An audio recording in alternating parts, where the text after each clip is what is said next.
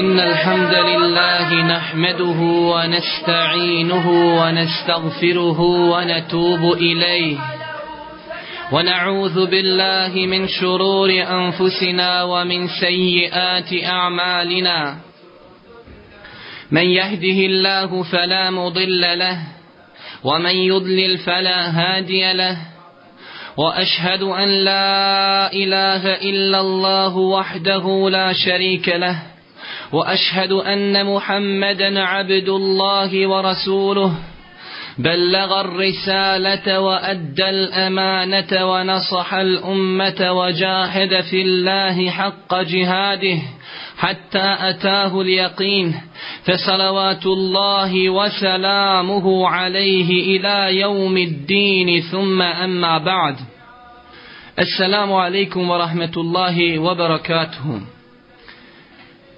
Cijenjena braćo i poštovani sestre, kao što je najavljeno, večeras ćemo pokušati uz Allahovu subhanahu wa ta'ala dozvolu da progovorimo nekoliko riječi zasigurno o jednoj i tekako bitnoj tematici, odnosno ona bi trebala da bude bitna za svakog čovjeka i za svaku ženu koja vjeruje u Allaha subhanahu wa ta'ala i u sudnji dan. O razlozima odabira ove teme nećemo govoriti jer smo ih spomenuli u našem predavanju koje je bilo prije dvadesetak dana kako zadobiti ljubav supruge. Dovoljno je spomenuti da u razgovoru sa braćom muslimanima doznajemo da u velikom broju brakova nešto neštima. Također od bitnih stvari koje su bile razlogom da odaberem da govorim na ovu temu jeste da od načina funkcionisanja porodice zavisi odgoj djece, to jest dolazećih generacija.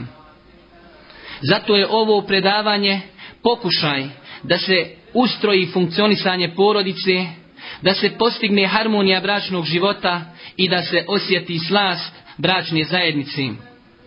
Na samom početku, za one koji nisu slušali naše prvo predavanje, kako bi korist bila veća, ukratko ćemo pročitati samo 12 načina koje smo spomenuli na našem prošlom predavanju, to jeste kada smo govorili na temu kako zadobiti ljubav supruge.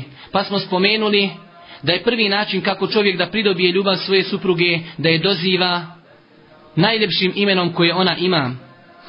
Drugi način jeste ljubaznost i međusobno šaljenje. Treći način, korištenje metode poklon iznenađenja. Četvrti način, hvaljenje supruge pred strancima, a naročito pred njenim roditeljima. Peti način kako čovjek može da pridobije ljubav svoje supruge jeste prihvatanje određenih nedostataka i mahana kod supruge. Peti način, pomaganje u kućnim poslovima. Sedmi način, da čovjek pazi rodbinu svoje supruge. Osmi način, uzimanje u obzir suprugine ljubomore kod grešaka nastalih zbog toga. Deveti način, da čovjek ne smatra da je on uvijek u pravu kada su u pitanju neki problemi među supružnicima. Deseti način kako čovjek može da pridobije ljubav svoje supruge jeste davanjem nešto i metka svojoj supruzi kako bi ona raspolagala njime za svoje lične potrebe. 11. način da pazi na ženino zdravlje. 12. način zajedničko pomaganje ili podpomaganje u rađenju dobrih dijela i 13. način da muž iskaže svoju ljubomoru naspram svoje supruge ako postoji ta ljubomora kod njega. Što se tiče večerašnje teme, cijenjena braćo i poštovane sestre, treba spomenuti na početku našeg izlaganja nekoliko činjenica kako bi ispravno shvatili ovo predavanje, ove naše prijedloge i ove savjete. Prva stvar koju želimo spomenuti jeste da je zaista teško održati predavanje na ovu temu i obraćati se širem krugu slušalaca, to jest žena. Zašto? Zbog raznolikosti među ženama. Tako ćemo naći da neke sestre, žene, muslimanke žive na selu, a neke žive u gradovima. Neke žene imaju svoje stalno zapošljenje, a neke nemaju, već boravje kod kuće. Neke žene imaju djecu, a neke nemaju. Neke žene žele srećan život, pa makar i po cijenu da odustanu od nekih svojih prava, a neke žene ne žele da odustanu od svojih prava. Zato prijedloge koje čujete, cijenjene sestre, ne moraju svi da budu upućeni grupi žena u kojoj se ti nalaziš, jer je teško naći univerzalne prijedloge pod koje potpadaju sve vrste žena, iako smo se trudili da većina prijedloga koje ćemo vam izložiti večeras budu univerzalnog tipa, to jeste da obuhvataju većinu žena. Druga stvar koja je bitna da se spomene, a vezana je za ovu tematiku, jeste da je na ovu temu došlo mnogo hadisa Božijeg poslanika sallallahu alaihi wasallame, mnogo je priča iz života Selefa. Tako sigurno je greška da se na ovu temu održi samo jedno predavanje i da očekujemo da smo obuhvatili sve što je potrebno i što je vezano za ovu temu. Također od stvari koje treba spomenuti jeste da ćemo kroz ove prijedloge možda dobiti od nekoga i kritike ili možda će neko pomisliti da je stanje ženi loše. Ono u osnovi jeste loše, ali cijena braću i poštovani sestre, ne treba da zaboravimo da smo prije dvadesetak dana održali jedno predavanje u kojem je zasigurno velik broj ljudi shvatio da griješi kada je u pitanju odnos njegov odnos prema njegovoj supruzi tako bili bi da i večeras ne budemo pogrešno svačeni. I na kraju zadnja stvar koju želimo spomenuti jeste da većina ovih prijedloga zasnovana je na hadisima Božijeg poslanika sallallahu alaihi wasallame. A zašto ovo govorimo? Kako ne bi neko shvatio da pretjerujemo u pravima muža kod njegove supruge. Pa na samom početku prvi način kako žena muslimanka može da pridobije ljubav svoga muža jeste lijepim dočekom muža pri njegovom povratku kući. Lijep doček igra veliku ulogu u pridobijanju ljubavi muža.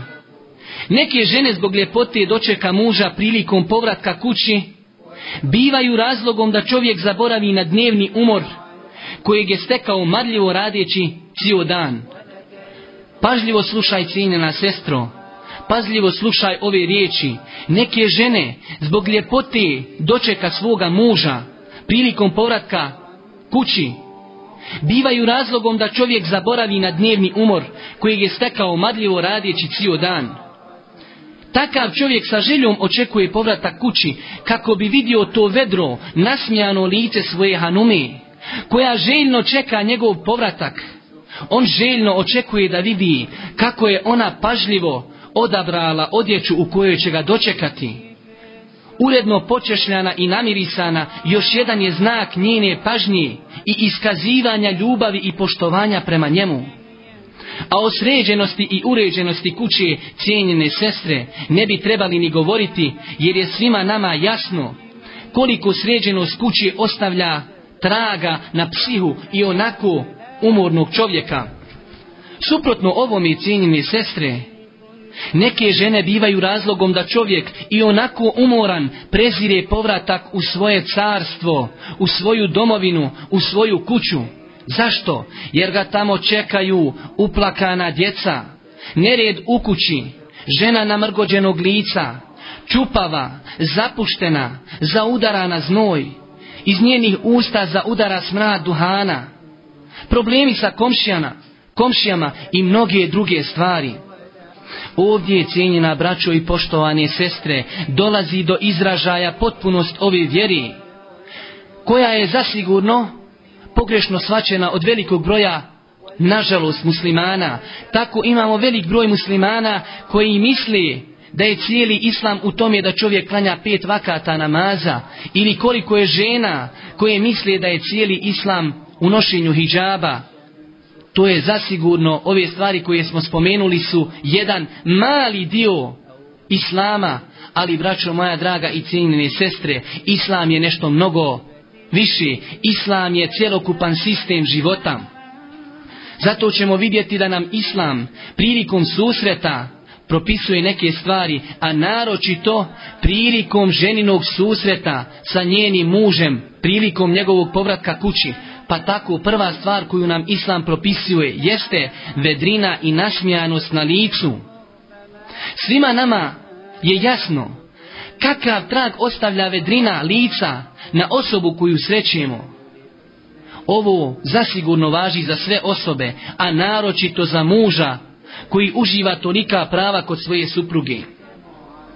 U hadisu kojeg je zabilježio ima muslim od Ebu Zera radijallahu ta'ala anhu da je Boži poslanik sallallahu alaihi wasallame kazao ne pocijenjuj nikakvo dobro djelo pa makar da sretneš brata vedrog i nasmijanog lica. U Ebu Davudovoj predaj ovog hadisa stoji da je Boži poslanik sallallahu alaihi wasallame kazao vedrina i osmijeh na licu prilikom susreta sa bratom su sadaka.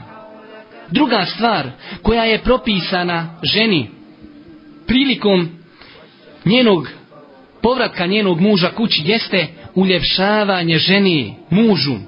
Uljepšavanje ženi svome mužu zasigurno ima mnogo pozitivnih rezultata. Mi ćemo spomenuti samo neke od njih. Ona time pokazuje svoju pažnju prema njemu. Ona time pokazuje svoju ljubav prema njemu. Ona time pokazuje svoje zadovoljstvo njegovim povratkom u kuću. Koliko je samo žena, koliko je samo sestara koje osjećaju rahatluk kada njihov suprug ili njihov muž nije kod kući.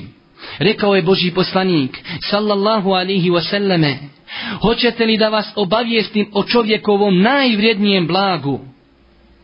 Kaže Boži poslanik sallallahu alaihi wasallame, čestita supruga, koju kada pogleda muž, obraduje ga, kada joj narijedi posluša ga, i kada bude odsutan, ona mu bude vjerna. Zato, cijenjena sestro, uljepšaj se svome mužu. Zasigurno ćeš time dobiti mnogo stvari. Između ostalog, time ćeš ga sačuvati od gledanja u druge žene one stvari koje mu je Allah subhanahu wa ta'ala strogo zabranio. Nažalost, kažemo nažalost, mi živimo u vremenu kada žene općenito a i muslimanke posebno dosta novca troši u šminku, odjeću, nakit, ali ne da bi se sređivale svome mužu, već da bi se sređivale prilikom izlaska iz kući. Ili one žene koje malo više praktikuju vjeru, one se sređivaju kada polaze svojim sestrama na sjelo, tada oblače lijepe košulje, tada oblače lijepe suknje. A nažalost, malo mal udio njen muž ima u tomi. Također možemo spomenuti ovom prilikom da žene, muslimanke, prilikom izlaska iz kuće dosta puta padaju u neke stvari koje su šerijatom zabranjene. Mi ćemo spomenuti samo neke od njih. Žene dosta puta, muslimanke, izlaze iz kuće razgoličene, otkrivaju ono što im je Islam naredio da pokriju. Također, Islam je zabranio ženi da veže tuđu kosu za svoju kosu, a to je u današnjem vremenu nošenje perike. Ta stvar je Islamom zabranjena i Boži poslanik, sallallahu alaihi wasallame, počinioca te radnje je prokleo u vjerodostojnim hadisima. Također od stvari koje su zabranjene, a žene i dosta puta radi i potpadaju u njih, jeste čupanje obrva, to je također stvar koja je zasigurno mnogo proširena kod velikog broja muslimanki, ali je ona zabranjena šerijatom i Božji poslanik. Sallallahu alihi wasallame u vjerodostojnom hadisu prokleo je osobu koja čupa obrve. I zadnja stvar koju želimo spomenuti od grešaka koje žine, čine žene prilikom izlaska iz kuće jeste izlazak žene namirisane iz kući. Boži poslanik sallallahu alaihi wasallam je kazao koja žena iziđe iz kuće, namirisana, pa prođe pored grupe ljudi i oni osjete njen miris, ona je bludnica. Nakon što smo spomenuli dvije stvari koje su poželjne prilikom muževog dolaska kući, to jest prilikom dočeka muža, spomenut ćemo i treću stvar, a to je uljepšavanje glasa. Cijenine sestre, treba da znate da glas žene u osnovi je veliki izazov za ljude, za muškarce, a naročito ako žena uljepša svoj glas. To je ono čime žena može da pridobije ljubav svoga muža, da odagna od njega umor od teških poslova. Kada govorimo o uljepšavanju glasa, ako se na to pridoda dozivanje čovjeka, muža, sa najljepšim imenom, onda to dobiva jednu novu dimenziju u pridobijanju ljubavi muža. Nažalost, naše žene kao da znaju za sve ovo u kontaktu sa drugima, a u trgovini, apoteci, pijaci, na recepciji, žene sa nježnim glasom se obraćaju drugima, dozivaju ih najljepšim imenima, persiraju ih, ali kada je u pitanju muž, to sve se zaboravi. On siroma dosta puta biva predmetom vike, dozivanja ružnim imenima i tako dalje. Drugi način pridobijanja ljubavi muža jeste pokornost mužu. Nažalost mi živimo u vremenu u kojem mnogo žena otkazuje poslušnost svojim muževima. Zasigurno to je rezultat nepoznavanja veličine prava muža koja mu je Islam podario i to je rezultat slijeđenja zapada u takozvanom oslobađanju žene ili oslobađanju prava žene. Zato ćemo mi, cijenjene sestre, spomenuti nekoliko hadisa koji govore na tu temu, ne bi li se naša srca probudila i shvatila stvarno pravo muža. Ovi hadisi su zasigurno većini sestara poznati, ali kao što kaže Allah subhanahu wa ta'ala zekir fe inne zikra ul mu'minin a ti opominji, zaista će opomena koristiti vjernicima. U hadisu koji je zabilježio imam et tirmizi od Ebu Hureyre radijallahu ta'ala anhu da je Boži poslanik sallallahu alihi wasallame kazao da sam naredio nekome da učini seždu mimo Allaha subhanahu wa ta'ala naredio bi ženi da učini seždu njenu mužu. Hadis je vjerodostojan. Također, u hadisu koji je zabilježio imam Ibn Mađe od Enesa radijallahu ta'ala anhu, da je Boži poslanik sallallahu alaihi wasallame kazao, žena koja klanja pet vakata, i posti mjesec Ramazana i bude pokorna mužu i čuva svoju čast, bit će rečeno uđi u džennet na koja vrata želiš. Dobro poslušaj ciljna sestro, četiri stvari. Ako se nađu pri tebi, bit će ti kazano uđi u džennet na koja želiš vrata. Ako budeš klanjala pet vakata namaza, ako budeš postila mjesec Ramazana, ako budeš pokorna svome mužu i ako budeš čuvala svoju čast. U hadisu kojeg je od Božijeg poslanika sallallahu alaihi wasallame prenio Džabir radijallahu ta'ala anhu stoji da je Boži poslanik sallallahu alaihi wasallame kazao tri osobe Allah od njih ne prima namaz niti se njihova dobra djela podižu prema nebu pa je nabrojao odbjegli rob dok se ne vrati Žena na koju je ljut njen muž i pijanac dok se ne osvijesti. Pod pokornost mužu također potpada i odazivanje žene mužu kada je pozove u postelju. Koliko je žena koje ne znaju da je odbijanje muža kada pozove ženu u postelju veliki grijeh, a ujedno to biva razlogom povećanje mržnje među supružnicima, razlogom da čovjek zadovolji svoje strasti na načine koje mu nisu dozvoljeni islamom. Žena ne smije da odbije svoga muža kada je pozove u postelju, osim ako zato ima validan šerijatski razlog, kao što je bolest, ili ako je u toku menstruaciji. Poslušaj na sestro, ovaj hadis Božijeg poslanika sallallahu alihi wasallame, kojeg je zabilježio Buharija i muslim od Ebu Hureyre radijallahu ta'ala anhu, da je Boži poslanik sallallahu alaihi wasallame kazao, čovjek koji pozove suprugu u postelju, pa odbije, i on zanoći srdit na nju, proklinjuje meleci sve dok ne osvani. Zamisli cijenjena sestro, zbog tvoje nepokornosti mužu, zbog tvog odbijanja da se odazoveš svome mužu u postelju, proklinju te meleci sve dok ne osvaniš, kako možemo očekivati blagoslov i bereket, harmoniju u našim brakovima, a možda naše supruge bivaju proklinjane od meleka, od meleka čije dove se ne odbijaju. U drugoj predaji ovog hadisa je došlo nešto još teži, još veći.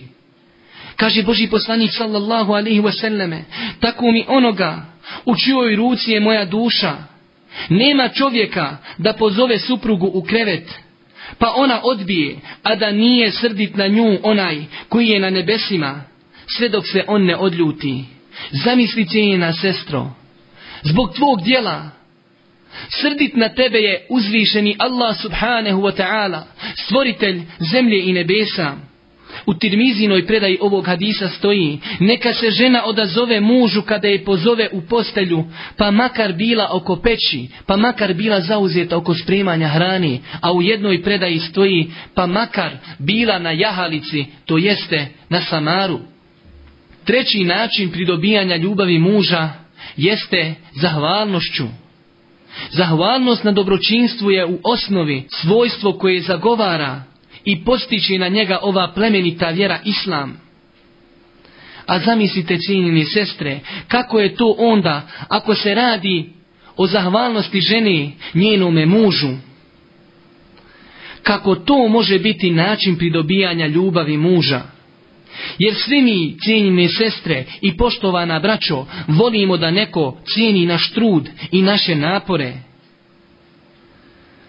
Kaže Boži poslanik sallallahu alaihi wasallam u hadisu koji ga zabilježu imame Tirmizi, a hadis je vjerodostojan, da je Boži poslanik sallallahu alaihi wasallam kazao, ko ne zahvaljuje ljudima, taj ne zahvaljuje Allahu subhanahu wa ta'ala. Također, hadis koji je možda velikom broju sestara poznat, ali cijena sestro, otvori svoje srce, dobro poslušaj ove riječi Božijeg poslanika sallallahu alihi wasallame koji ne govori po hiru svome. Nemoj dozvoliti da ovaj hadis uđe na jedno uho, a na drugo iziđe. Kaže Boži poslanik sallallahu alihi wasallame u hadisu kojeg je zabilježio Buharija i Muslim od Zajnebe radijallahu ta'ala anha.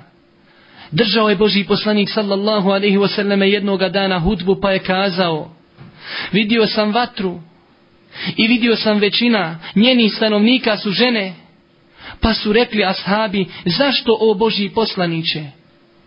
Zamislite, ashabi postavljaju pitanje, zašto o boži poslaniće? Jer im je to bilo čudno. Jer su u to vrijeme ashabike bile pokorne Allahu i to je bilo nešto za njih teško. Danas ovo pitanje uopšte nije čudno. Zašto je većina žena, stanovni, većina stanovnika džehennema? Tako mi Allaha, koliko je žena, muslimanki, koje izlaze na ulicu, tako razgoličene, da bi se velik broj muškaraca stidio da izađe tako razgoličen. To njihovi roditelji odobravaju. To njihovi roditelji gledaju. Cijenjeni roditelji, znajte da ćete biti pitani za svoju djecu. Kako možete dozvoliti svome djetu da tako razgoličeno izađe na ulicu? Poslušajte odgovor Božijeg poslanika sallallahu alihi wasallame u nastavku hadisa. Pa kažu ashabi, zašto o Božji poslaniće? Pa kaže Božji poslanik, zato što negiraju, zato što ne vjeruju. Pa su ashabi dodali, Jeli negiraju vjerovanje u Allaha subhanahu wa ta'ala, pa je kazao Boži poslanik, one negiraju dobročinstvo, nezahvalne su, da nekoj od njih činiš dobročinstvo cijel život, a zatim jednom pogriješiš, rekla bi, nikad od tebe nisam vidjela nikakvog hajra. Cijenjena sestro, nemoj da pomisliš da je prijetnja Božijeg poslanika sallallahu alaihi wasallam sa vatrom nešto lagano, ako misliš da je prijetnja vatrom nešto lagano, uzmi i pokušaj svojom rukom dodirnuti toplo špore. Pa ćeš vidjeti da ne možeš izdržati. Pa kako onda izdržati vatru, džehennema, koja je sedamdeset puta žešća i teža od ove vatri. O sestro, o sestro, čuvaj svoje tijelo, čuvaj ga od vatri džehennema. Cijenjena sestro, tvoj muž, on je taj koji cijel dan radi da bi ti i tvoja djeca imali lagodan život. On radi, on radi tog cilja putuje, rizikuje život, njegovo zdravlje trpi. Pa zar nije zaslužan da mu budeš zahvalna? Razmisli cijenjena sestra o sljedećem primjeru. Zamisli da nam neko dođe i dadne nam neki poklon u vrijednosti od sto maraka. Kako bi se mi uvijek stidili tog čovjeka, kada god bi vidjeli tog čovjeka, nam pala bi nam njegova hedija. Pokušali bi da se iskupimo za to, da mu učinimo zauzvrat neko dobročinstvo. Ciljna sestro, pa zar nije tvoj muž taj koji donosi svaki dan pa zar nije mnogo preći od osobe koja nam jednom učini dobročinstvo, zar nije mnogo preći da njemu budemo zahvalni? Zato znaj cijenina sestro, da ako tvoj muž vidi tvoju zahvalnost, vidi da cijeniš njegov trud, to će zasigurno biti dodatni motiv da nastavi da donosi i da zarađuje. To će povećati njegovu ljubav prema tebi, učvrstiti vaše veze. To će biti razlogom harmonije u vašem braku. Jer znaj, na sestro, da niko ne voli nezahvalnost, niko ne voli nezahvalne ljude, a naročito ako to dolazi od osobe kojoj mi činimo neprestano dobročinstvo. Nezahvalnost zasigurno vodi problemima, buđenju prezira, buđenju mržnje, nepoštovanja i mnogim drugim stvarima koje su nepoželjne. na sestro, koju vrstu života želiš? Postavit ćemo vam dva primjera i neka svaka sestra odaberi jedan od ova dva načina kako će se obraćati i ponašati prema svome mužu. Prvi način je kada žena kaže svome mužu primjera radi kupi mi to i to normalno u naredbenoj formi sa povišenim tonom. Pa čak pridoda na to možda nemoj slučajno da zaboraviš da to doneseš iz čaršije, jer ako zaboraviš morat ćeš se vratiti da nam to kupiš. Odgovor ako dobije zasigurno će biti negativno, negativan, to jest da čovjek ne želi da ispuni njene zahtjeve zbog njenog lošeg obhođenja prema njemu. Ili želiš, cijenjena sestro, drugi način života, gdje se žena obraća svome mužu i govori, o čovječe, Allah te nagradio za sve što nam činiš, kako je velika tvoja dobrota, tvoje dobročinstvo prema nama, šta bi mi bez tebe? Zašto se toliko trudiš oko nas? Mi to nismo zaslužili. Šta mislite, cijenine sestre, kakav odgovor bi dobile?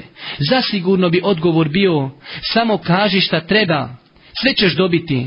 Zadnju kap krvi, zadnju kap krvi ću dati, samo da vi uživate. Cijenina sestro, zar nisi primijetila iz ova dva primjera? Da ti imaš ključeve svih rješenja u svojim rukama. Od tebe i od tvog ponašanja zavisi mnogo toga. Muškarci su takvi, dobri, samo ako znaš sa njima, mudro i lijepo. Niko ne voli grubost, a naročito ako ta grubost dolazi od bića koje je slabašnije od tebe. Ovo nas sve, cijene sestre i poštovana braćo, okreće u pracu da progovorimo nekoliko riječi o sljedećem načinu pridobijanja ljubavi muža, a to je zadovoljavanje muža kada se naljuti. Treba da znamo, cijena braćo i poštovane sestre, Islam kao potpuna vjera postiče muža da pazi na svoju suprugu, ali također postiče suprugu da zadovolji svoga muža kada se on naljuti, jer znaj, ciljna sestro, u tome je održavanje pravoga kursa kretanja porodičnog broda i u tome je velika nagrada za tebe. Žena muslimanka bi trebala da radi na ostavljanju svega što ljuti njenog muža, sve što će izazvati njegovu srđbu. Bez razlike cijenjena sestro, bez razlike da li to bilo nešto veliko ili malo. Bez razlike da li to bilo tebi teško ostaviti ili lako, ali pokušaj da dokažeš svome mužu da se trudiš da ostaviš sve ono što njega ljuti. Ali ako se desi da se muž naljuti, tada bi žena muslimanka koja vjeruje u Allaha subhanahu wa ta'ala i sudnji dan trebala da sve raspoložive resurse usmjeri ka tome da povrati zadovoljstvo svoga muža, da koristi sva raspoloživa sredstva, riječi, oči, lice, kosu, tijelo, odjeću, obuću, hranu i sve ostalo, samo da pridobije zadovoljstvo svoga muža. Znaj, cijenjena sestro, da je čovjeku najdraže to da mu dođe njegova supruga i da zatraži od njega halala. Znaj, cijenjena sestro, to je čarolija koja lomi srca muškaraca. Možda ću ja noćas neke stvari kazati koje su možda tajne muškaraca, ali iz razloga da se popravi stanje u našim brakovima morat ću neke tajne i otkriti. Tako cijenjena sestro, vidjet ćeš muža koji je prije nekoliko momenata bio bijesni lav, kojem ne smije prijeći ni, najhrabri čovjek, nakon izvinjenja, nježnih riječi, blagog dodira, pa ako treba i poljubca bogami, taj muž postaje mala maca koja se umiljava oko nogu vlasnika, prijedući, puna želje da ga pomiluješ. Tvoj muž, nakon što je bio srditi lav, postaje maca koja prijede, želi da ga pomiluješ ako od njega zatražiš halala, ako mu se obratiš nježnim riječima, nježnim dodirom. Znaj, cijenjena sestro, da nije sreća da čovjek živi u braku bez problema, jer toga zasigurno nema. Ali je sreća da čovjek živi u braku u kojem ima problema, ali zna kako da riješi te probleme. Ove stvari, zadovoljavanje muža kada se naljuti, ovo ne mogu osim one sestre koje su u svome životu postavile sebi visoke ciljeve. One žele sreću po svaku cijenu, pa makar ih to koštalo odstupanja od nekih svojih prava. One su preda se postavile Allahovu subhanahu wa ta'ala nagradu pokornom suprugu, a to je Allahov džennet. I zbog toga ponekada mogu da urade neke stvari koje su za druge nezamislive, ali to one mogu. Zašto? Zato što želi Allahovu subhanahu wa ta'ala nagradu, želi Allahu subhanahu wa ta'ala džennet. Koliko je se stara koje ne odstupaju od svojih principa ni po koju cijenu. Kaže Boži poslanik sallallahu alihi wasallame u hadisu koji govori kolika je bitnost muževog zadovoljstva u životu jedne ženi. Kaže Boži poslanik sallallahu alaihi wasallam u hadisu koji je zabilježio imame Tirmizi od umu Selemi radijallahu ta'ala anha. Koja žena umri, a njen muž zadovolja njome, ući će u džennet. Zamisli cijenina sestro, poslušaj dobro ovaj hadis. Koja žena umri, a njen muž zadovoljan njome, ući će u džennet ona žena koja hoće istinski džennet, ona ne gleda u to ko je kriv, već ona gleda kako da stekne zadovoljstvo svoga muža. Poslušaj na sestro, preporuku najboljeg pedagoga, najboljeg učitelja, Muhammeda sallallahu alaihi wasallame, gdje kaže u hadisu kojeg je zabilježio imam taberanić, da je Boži poslanik sallallahu alaihi wasallame kazao, Hoćete li da vas obavijestim o vašim ženama u džennetu? Pa su rekli ashabi, naravno, o Boži poslaniće. Pa kaže Boži poslanik, svaka ona koja voli, svaka ona koja rađa, koja kada je naljuti njen muž, ili kada ona naljuti muža, ili se on naljuti, ona kaže, ovo je moja ruka u tvojoj, ja neću okusiti sna sve dok ne budeš zadovoljan. Zamisli na sestro, ova žena stavlja ruku svoju u ruku svoga muža i kaže ja neću okusiti sna sve dok ne budeš zadovoljan. Treba da znaš cijena sestro, da je nešto najgori što može da se desi u kući muslimana jeste da tvoj muž zaspi ljut na tebe to biva razlogom uveličanja problema, razlogom napetosti, a to zasigurno će iskoristiti naš i tvoj neprijatelj bliz, neka je Allahu subhanahu prokljestvo na njega. Iskoristit će tu priliku i tako da će svakom od supružnika do sabaha došapnuti mnogo loših vesljesa. Peti način da žena pridobije ljubav svoga muža jeste poštovanje njegove rodbini, poštovanje njegovih gostiju, a naročito njegove majki, oca, braći i sestara. Zaista je jedan od bitnih i nezaobilaznih načina pridobijanja ljubavi muža da supruga pazi i poštuje njegovu rodbinu. na sestro, znaj, znaj da ne može srce tvoga muža da ne reaguje u pozitivnom smislu kada vidi kako ti poštuješ njegovu majku, kako ti poštuješ njegovog oca, kako poštuješ njegovu bližnju familiju. To je također jedan od načina potpomaganja u rađenju dobrih dijela. U tome je također sreća tvoga muža, a suprotno, suprotno tome, u nepoštovanju njegovih roditelja, njegove majke, njegovog oca, u tome je nezadovoljstvo njegovo, a to žena muslimanka ne bi trebala da traži ni u kom slučaju. Također, cijenjena sestro, nemoj slučajno da ti budeš razlogom izlaganja svoga muža ahiretskoj patnji. Mora da znaš neprestano da imaš na umu to da je tvome mužu naređeno od ove plemenite vjere da čini dobročinstvo svojim roditeljima, a naročito majci. Kaže Boži poslanik, sallallahu alihi wasallame, u hadisu kojeg je zabilježio ima muslim, od Ebu Hureyri radijallahu ta'ala anhu, propao je, propao je, zaista je propao, onaj ko doživi starost jednog, ili oba roditelja, a nije ušao u džennet.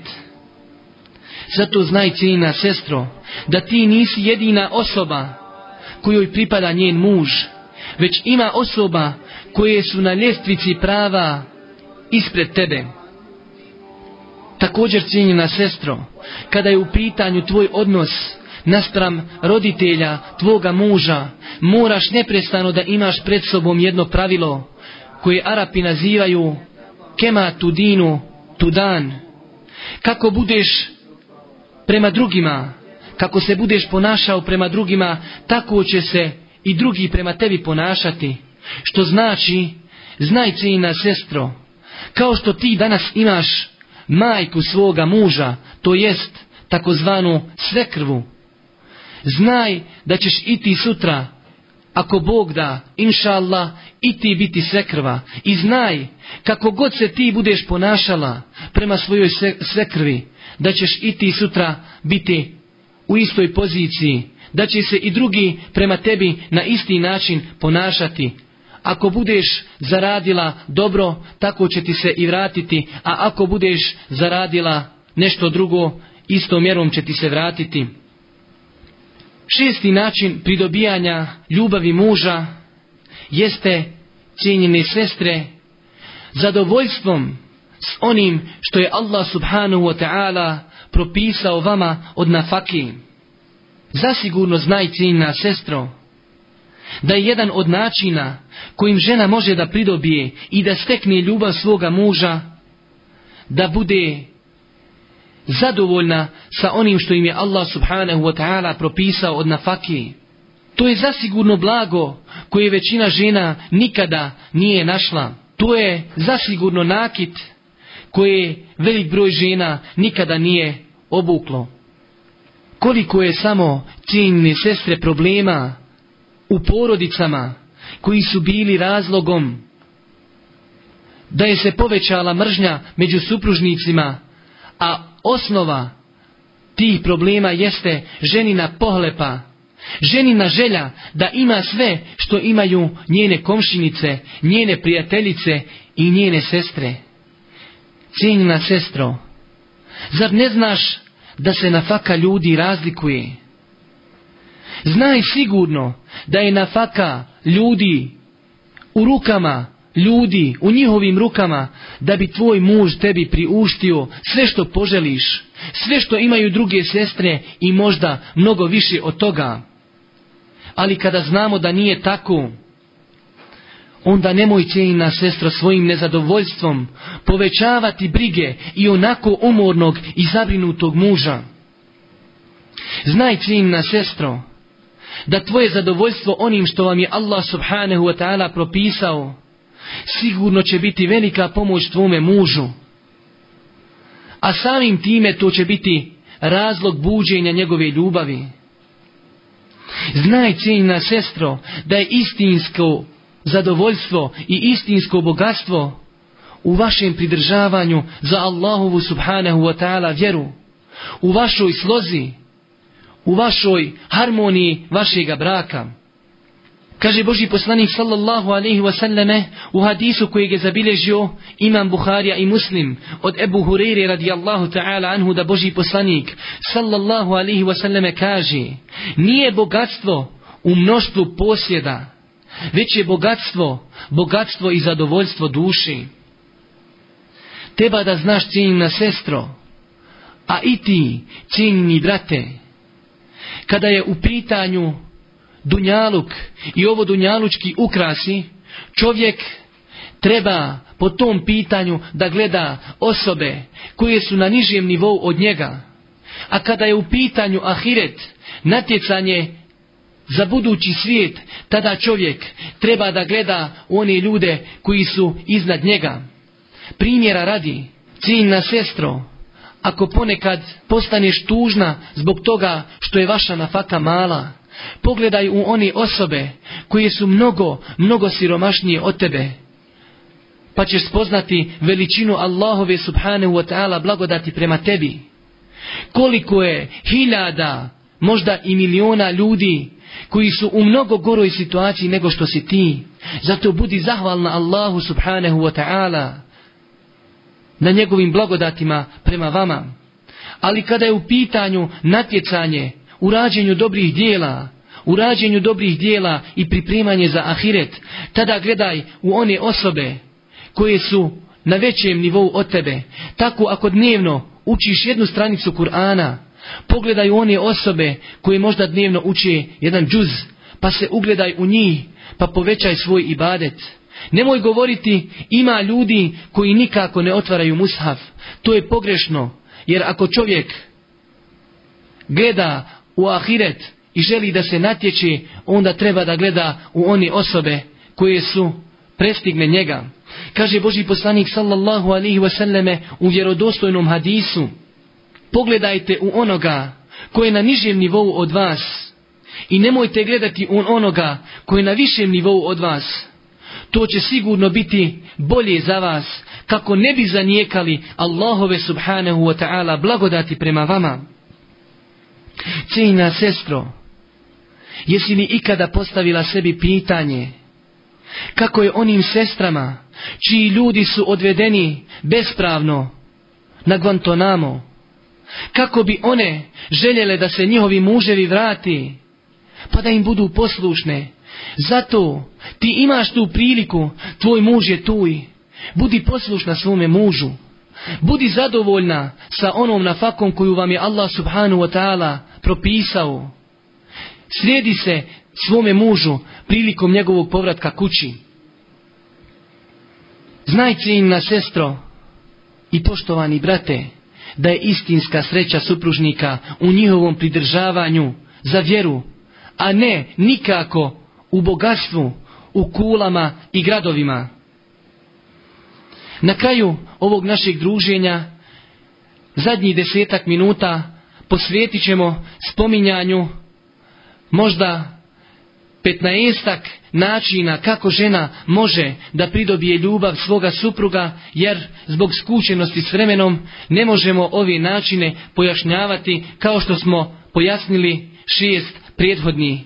Pa tako sedmi način na koji žena može da pridobije ljubav svoga muža jeste da žena pazi na svoj izgled i da se zapita da li je ona sama zadovoljna svojim izgledom.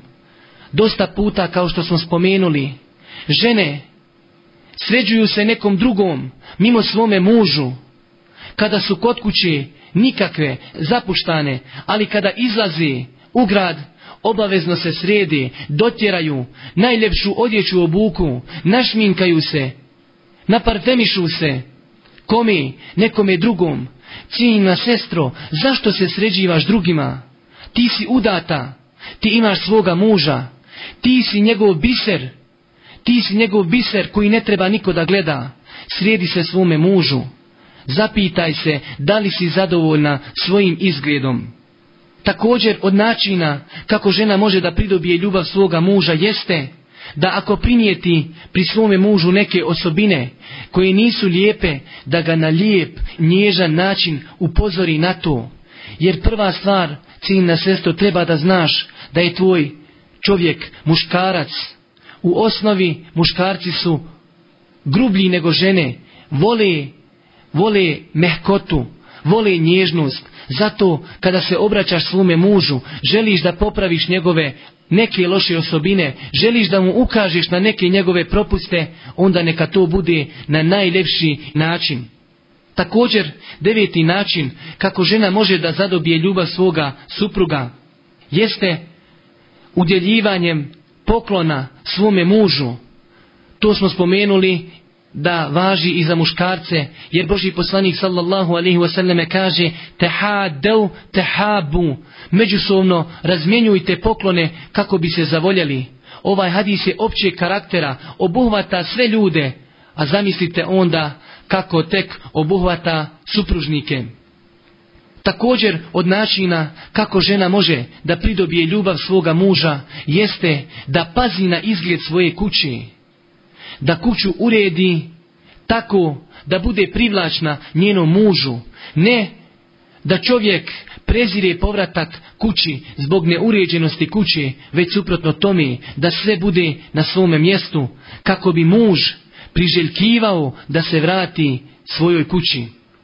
Jedan na način kako žena može da zadobije ljubav svoga supruga, jeste da radi ono što voli njen muž i na način koji on voli.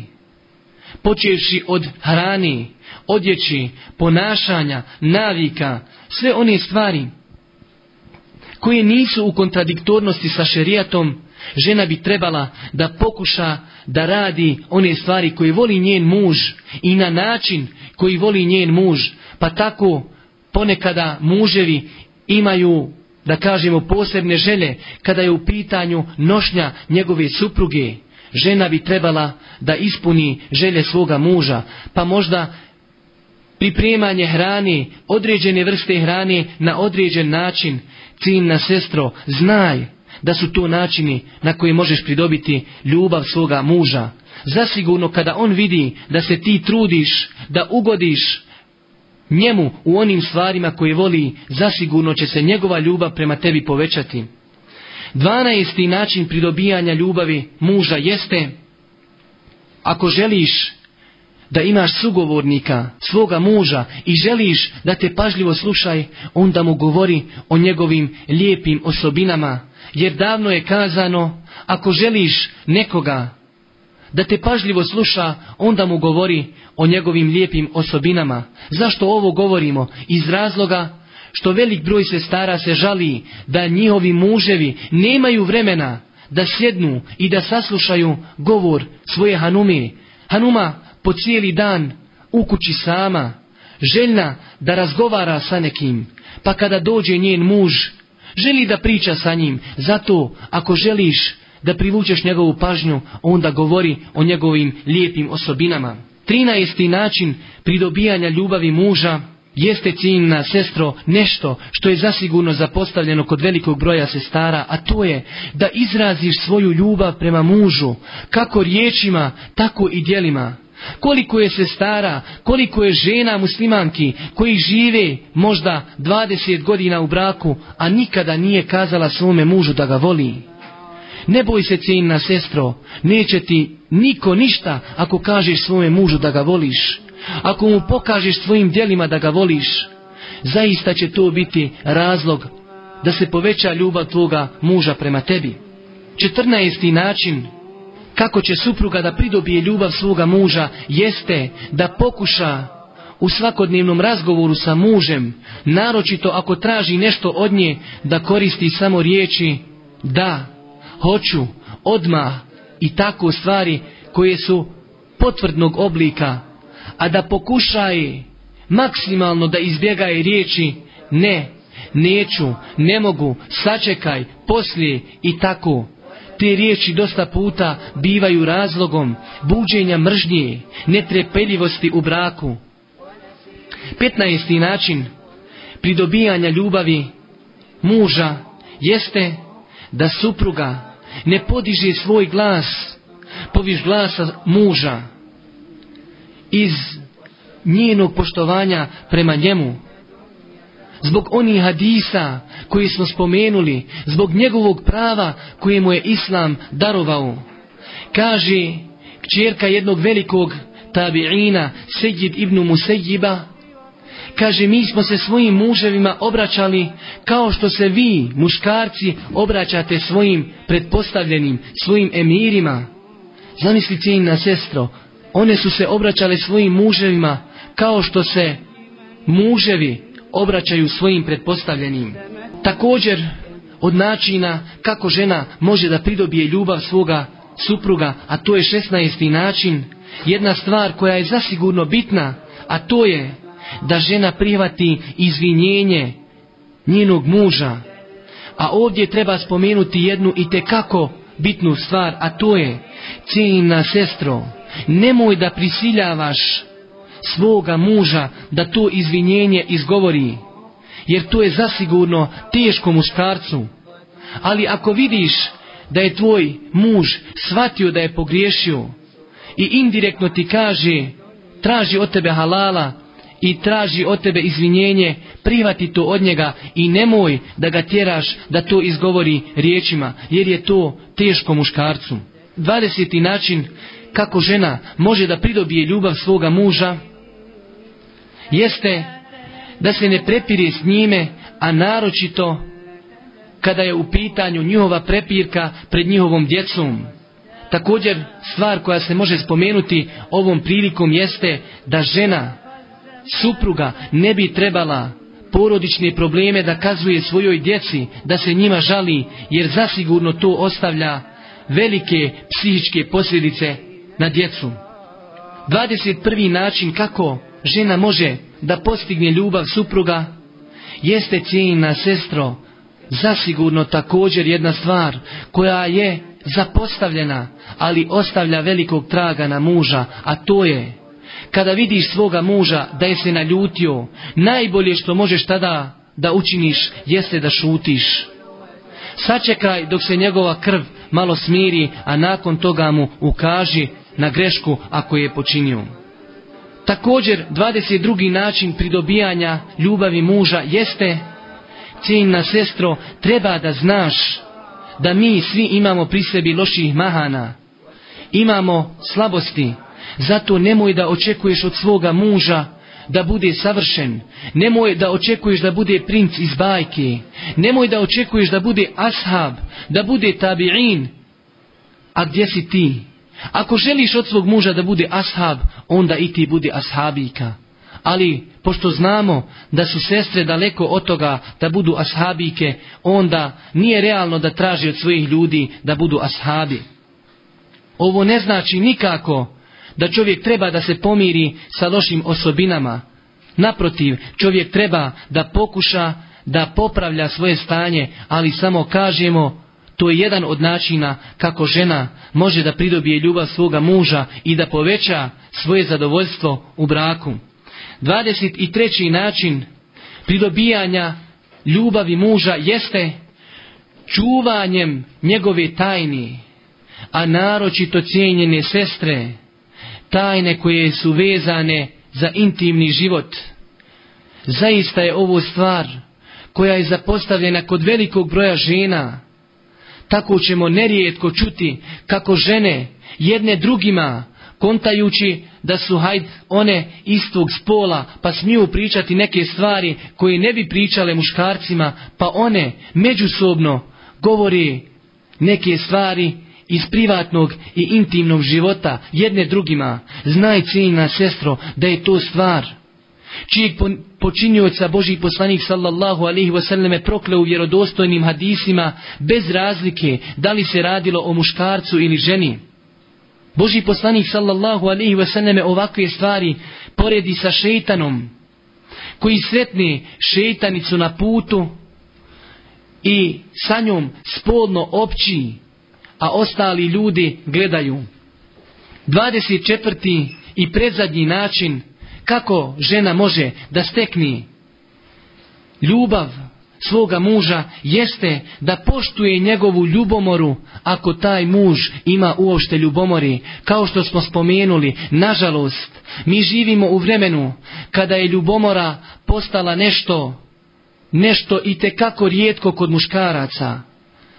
Moglo bi se mnogo stvari progovoriti ovom prilikom vezani za ljubomoru, ali mi ćemo, na braćo i poštovane sestre, samo citirati stihove Ali je Allahu ta'ala anhu, koji je jedne prilike vidio svoju ženu, Fatimu radijallahu ta'ala anha, kako čisti mi svakom zube, pa ju je spjevao sljedeći stihove pa kaže Hadajte ja udel eraki bi thagriha, e ma alimte ja udel eraki erake. لو كنت من أهل القتال لقتلتك ma faze minni ja sivaku sivake. Kaže Alija radijallahu ta'ala anhu, obraćajući se mi svaku, kaže zaista si ti, o misvače, došao na neko mjesto koje tebi ne zaslužuje. Pa onda kaže, Ema hifte ja udel erake erake, zar se ne bojiš, o misvače, da te ja vidim, zar ne znaš da te ja vidim? Alija radijallahu ta'ala anhu, ljubomoran, na misvak kojim njegova žena čisti zube. Pa kaže Alija radijallahu ta'ala anhu u sljedećem stihu, da si ti o misvače biće koje može da se bije, koje može da se tuče, ja bi te ubio. I na kraju kaže, Ma faze minni ja sivaku sivake, zaista mene nije pobjedio niko u natjecanju kod Fatime osim ti. Alija radijallahu ta'ala anhu, zamislite njegove ljubomori, ljubomoran na mislak, kojim njegova žena čisti zube. Naši ljudi nisu ljubomorni da uzme svoju suprugu, možda više razgoličenu nego obučenu i sa njom šeta po gradu. Da ljudi gledaju njegovu suprugu. mi brate, muslimanu, pa gdje je tvoja ljubomora? Jesi li se oženio da ljudi gledaju tvoju suprugu ili si je oženio zbog sebe? I 25. način kako žena može da pridobije ljubav supruga, muža i time ćemo završiti ovo naše druženje jeste da mu pomaže u istrajnosti i da ga savjetuje ako primijeti kod njega neke šerijatske prijestupe. Možemo navesti mnogo primjera za to. Jedan možda najčešći primjer jeste dosta puta žene bivaju svjedocima da, njeni, da njihovi muževi sjedi pred njima i gledaju sa njima serije u kojim dosta puta ima mnogo, mnogo čak i porno scena i ta žena da kažemo ne, ne negira svome mužu ta djela koja radi. Žena bi trebala da pazi na svoga muža, da ga čuva od vatri džehennema. Da ako ne klanja, da ga poziva da klanja. Da ako ne posti, da ga poziva da posti. Ako troši duhan, da pokuša da, da ga odgovori od tog gnusnog i ružnog djela. Znači svaka stvar koju primijeti, koja je u kontradiktornosti sa šerijetom, da se savjetuje sa njim i da pokuša da na taj način pridobije ljubav svoga supruga, a da ujedno i time njega čuva od tri džehennema. I na kraju molimo Allah subhanahu wa ta'ala da popravi stanje muslimana u njihovim porodicama. Molimo ga subhanahu wa ta'ala da popravi muslimane u cijelom svijetu i na kraju subhaneke Allahumme ve hamdike, ešhedu en la ilaha illa ente estagfiruke wa etubu ilaik.